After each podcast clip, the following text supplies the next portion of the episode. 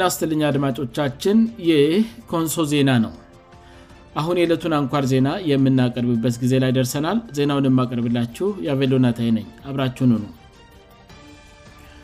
አርስ ዜናዎችን በማስቀደም የለተሰኘው የካቲስ 7 ቀን 214 ዓም አንኳር ዜናዎችን አሰማሉሁ በኮንሶ ዞን ከና ወረዳ ዶውሃ ቀበለ ከነቤተሰቡ በቀበለው ደረቅ ጣቢያ የታሰረው ነዋሪ ማምሻውን ተለቀቀ በኮንሶ ዞን ሰገን ዙሪያ ወረዳ ባሉ አንዳንድ ቀበሌዎች ላይ ጥቃት የፈጸሙ የሽብር ቡድን አባላት ላይ በተወሰደ እርምጃ አካባቢው ወደ ሰላማዊ እንቅስቃሴ መመለሱ ተገለጸ በ2014 ግማሽ ዓመት ከ3400 በላይ የሳይበር ጥቃት ሙከራዎች በተለያዩ ተቋማት ላይ መፈጸማቸው ተገለጸ የሰሜን ኮሪያ ፕሬዝደንት ለአባቴ ልደት አበባ አላደረሳቸውን በሚል አትክልተኞችን አሰሩ አሁን ዜናውን በዝርዝር አሰማለሁ በኮንሶ ዞን ከና ወረዳ ዶሃ ቀበለ የእርቻ መረቱን ለትምህርት ቤት መስሪያ በነፃ የሰጠ የቀበለው ነዋሪ ከትምህርት ቤቱ ጋር በተያዘ ከነበላው ቤተሰቡ በቀበለው ደረግ ጣቢያ ከታሰረበት ዛሬ ማምሻውን ተለቀቀ ከሰት ዓመት በፊት በከና ወረዳ ዶሃ ቀበለ ለተገነባው የሽላማና አንደኛ ደረጃ ትምህርት ቤት መስሪያ የእርሻ መረታቸውን በነፃ የለከሱት አቶ ካራ አቶ ካስማ የተባሉ የቀበለው ነዋሪ ከትምህርት ቤቱ ጋር በተያያዘ ከነመላው ቤተሰቡ ከጥር 28214 ዓም ጀምሮ ከአንድ ሳምንት በላይ ፍርድ ቤት ሳይቀርብ በቀብለው ድረግ ጣቢያ በእስር ላይ እንደሚገኙ ባለፈው ሳምንት መዘገባችን ይታወሳል ግለሰቡ ከነ ቤተሰቡ ዛሬ ማምሻውን ለያዟቸው የቀበለው ምልሻዎች አበል ተብሎ አንድ ሽብር ከፍሎ ጉዳያቸው በፍትህ አካል ሳይታይ መውጣታቸው የመረጃ ምንጮቻችን ገልጸዋል ጉዳያቸው በፍርድ ቤት ሳይታይ የፈጸሙት ወንጀል ካለ ሌላ ጊዜ ይጠራል በምል ከነ ቤተሰቡ ለ9ጠ ቀናት በቀበለው ድረግ ጣቢያ በእስር ከተጉላሉ በኋላ ፍርድ ቤት እንኳን ሳይቀርቡ ዛሬ በነጻ መለቀቃቸው ታውቋል ከጉዳያቸው ጋር በተያያዘ ኮንሶ ዜና ለማጣራት እንደሞከረው ግለሰቡ እንዲታሰር ያደረጉት የሽለማና አንደኛ ደረጃ ትምህርት ቤት ሰ መምህር እንደሆኑና የእስርመን ሲሆም ግለሰቡ ከአርሶአደሩ ጋር ባለው የግል ቅም ምክንያት ወይም የግል ቅሬታ ምክንያት እንደሆነ ነገር ግን ጉዳዩን ከትምህርት ቤቱ ጋር በማያያዝ አርሶአደሩን እንዳሳሰሩት ኮንሶ ዜና ለመረዳት ችላል ዜጎች ያለ ህግ አግባብ ታስረው ጉዳያቸው በሚመለከተው የፍት አካል ሳይታይላቸው እየመልክቅ ሁኔታ በከና ወረዳ ባሉ አንዳንድ ቀበሌዎች የተለመደ በታችኛው የመንግስት እርከን የሚስተዋል የመልካም አስተዳደር የጦት ማሳያ ስለመሆኑ ከዚህ በፊት በተደጋጋሚ ከሠራናቸው መሰል የዜና ዘገባዎች መረዳት ይቻላል ይህ ኮንሶ ዜና ነው በኮንሶ ዞን ሰገን ዙሪያ ወረዳ ባሉ አንዳንድ ቀበሌዎች ላይ ጥቃት የፈጽሞ የሽብር ቡድን አባላት ላይ እርምጃ ተወስዶ አካባቢው ወደ ሰላማዊ እንቅስቃሴ መመለሱ ተገለጸ ባለፈው ረቡ የካቲት 2 ቀን 2014 ዓም በደራሽ ልዩ ወረዳ ሀይበና ቀብለው መሽጓል በተባለ የሽብር ቡድን አባላት በሰገን ዙሪያ ወረዳ መለጋና ዱጋያ ቀበሌ ላይ በተከፍተ ተኩስ የሁለት ሰዎች አርሶአደሮች ህይወት ማጥፋታቸውን እና አንድ ሴትን ጨምሮው ሶስት ሰዎች ላይ ጉዳት ማድረሳቸውን መዘገባችን የሚታወስ ነው የሽብር ቡድኑን ጥቃት ተከትሎም ተጨማሪ የጥታ ኃይል ወደ አካባቢው እንዲገባ መደረጉንም በወቅቱ ዘግበን ነበር የጸጥታ ኃይሎች በሽብር ቡድኑ ላይ በወሰዱት የተቀናጀ እርምጫ አብዛኛዎቹ ጥቃት ፈጻሚ ሽብርተኞች መደምሰሳቸውንና ሌሎች ላይም ከፍተኛ ጉዳት መድረሱን ኮንሶ ዜና ከመረጃ ምንጮቹ ዛሬ ለማረጋገት ችለዋል በእርምጃው ወቅት በጸጥታ ኃይሎች በኩልም በሁለት የልዩ ሀይል አባላት ላይ ከደረሰ መጠነኛ ጉዳት በስተቀር የህይወት ጥፋት አለማጋጠሙም ተገልጿል በጥታ ኃይሎች ከተወሰደው እርምጃ የተረፉ ቀሪዎቹ የሽብር ቡድኑ አባላት ደራሽ ልዩ ወረዳ ውስጥ ሽላለ ወደሚባል ቀበለ እየሸሹ ሲሆን በቁጥጥር ስር ለማዋል የኮንሶ ዞን የጸጥታ አካላት ከደራሽ ልዩ ወረዳ ጋር በጥምረት እየሰራ እንደሚገኝም ተገልጿል ይሁንና የጥቃቱ አካባቢ የነበረው የሰገንዙሪያ ወረዳ ቀበሌዎች ወደ መረጋጋትና ወደ ቀደመው ሰላማዊ ህይወታቸው መመለሳቸውን የመረጃ ምንጮቻችን ጭምረው ተናግረዋል ይህ ኮንሶ ዜና ነው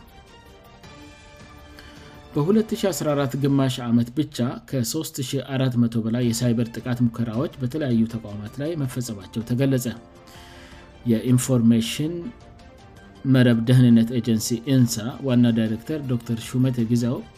በግማሽ ዓመቱ ቢደርሱ ከፍተኛ ጉዳት ሊያስከትሉ የሚችሉ ከ3400 በላይ የሳይበር ጥቃት ሙከራዎች ተሰንዝረዋል ማለታቸው ተገልጿል በግማሽ ዓመቱ የተሰነዘሩ የሳይበር ጥቃቶች ከዚ ቀደም በአን ዓመት ውስጥ ታይቶ አያውቅም ብለዋል ዶር መቴ እንደገለት ከፍተኛ ሙከራ የተደረገው 33 በመ የሚሸፍነው የሳይበር ጥቃት ላማ ያደረገው በመሰረተ ልማት ቅኝት ላይ ነበር ብለዋል ዋና ዳይረክተሩ በሰጡት መግለጫ በመሰረተ ልማቶች ቅኝት በድረገጽ በሰርጎግብ በማልዌር በመሰረተ ልማት ማቋረጥእና ማበራዊ ሚዲያን በመጥለፍ የመሳሰሉት ጥቃት ሙከራዎች መደረጋቸውን አብራርተዋል የተሰነዘሩ የጥቃት አይነቶችን በቅደም ተከተል በመሠረተ ልማት ቅኝት ላይ 33 ድረገጾች ላይ 25 ሰርጎገብ ወይም ባይፓስ 21 ማልዌር 19 መሰረተ ልማት ማቋረጥ 10 ሶሻል ሚዲያ ጠለፋ 8እና ኦንላይን ማጨበበር 2 መሆናቸው ተገልጿል በተሰነዘሩ ጥቃቶች ባንኮች ኢንሹራንሶችወም የኢንሹራንስ ተቋማት ማይክሮፋይናንስ ተቋማት ሚኒስቴር መስሪያ ቤቶች የትምህርት ተቋማትና ሚዲያዎች እንደሚገኙ ዶክተር ሹመቴ ገልጸዋል የታላቁን የኢትዮጵያ ህዳሴ ግድብ ሁለተኛ ዙር የውሃ ሙለት ለማደናቀፍ በ370 ኮምፒተሮች ላይ ጥቃት ተሰንዝሮ እንደነበር እንሳ ባለፈው ነሐሴ ወር ማስታዋወቁና ተነጣጥሮ የነበረውን የሳይበር ጥቃትን ቀድሞ ማክሸፍ መቻሉን ዶተር ሹመቴ ከዚህ በፊት መግለጻቸው ይታወሳል ይህ ኮንሱ ዜና ነው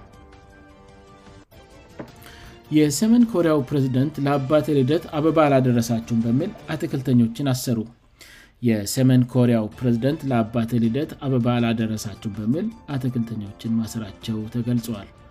የሰሜን ኮሪያ ፕሬዝደንት ኪም ጆንግን አትክልተኞች አበባ ለአባታቸው ልደት ባለማድረሳቸው ለእስር ተዳርገዋል ስለዘገበው ዴይሊ ሜይል ነው የቀድሞው የሰሜን ኮሪያ ፕሬዝደንት ኪም ጆንግ ኢል ወይም ኪም ጆንግ ሁተኛ በ69 ዓመታቸው ከ8 ዓመት በፊት ነበር ህይወታቸው ያለፈው በስልጣን ላይ ያሉት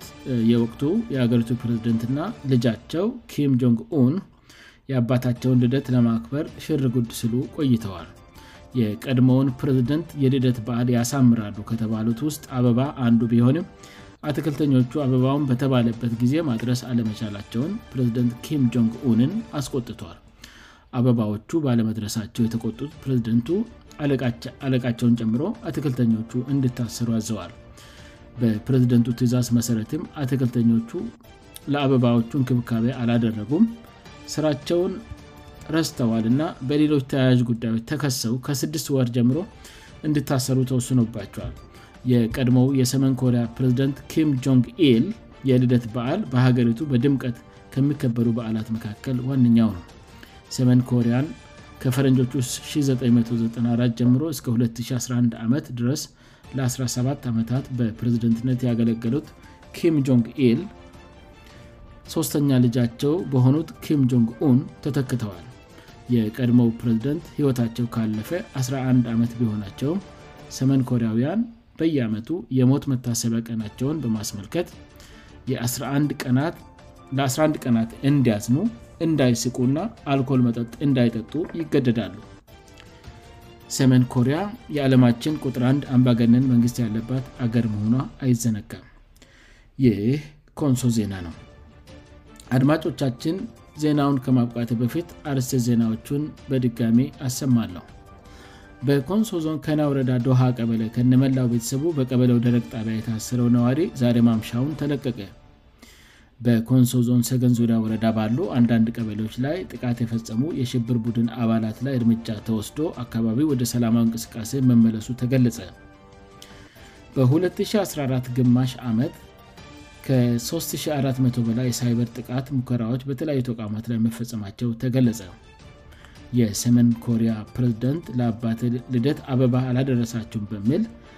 አትክልተኞችን ማሰሩ ተገለጸ ዜናው በዚያ በቃ አድማጮቻችን የዕለቷ አንኳር ዜናዎቻችን ይህን ይመስሉ ነበር ስላዳመጣችሁን እናመሰግናለን ኮንሶ ዜና ነገም በተመሳሳይ ሰዓት እንደሚጠብቁ ተስፋ ያደርጋል እስከዚያው በደህና ቆዩነ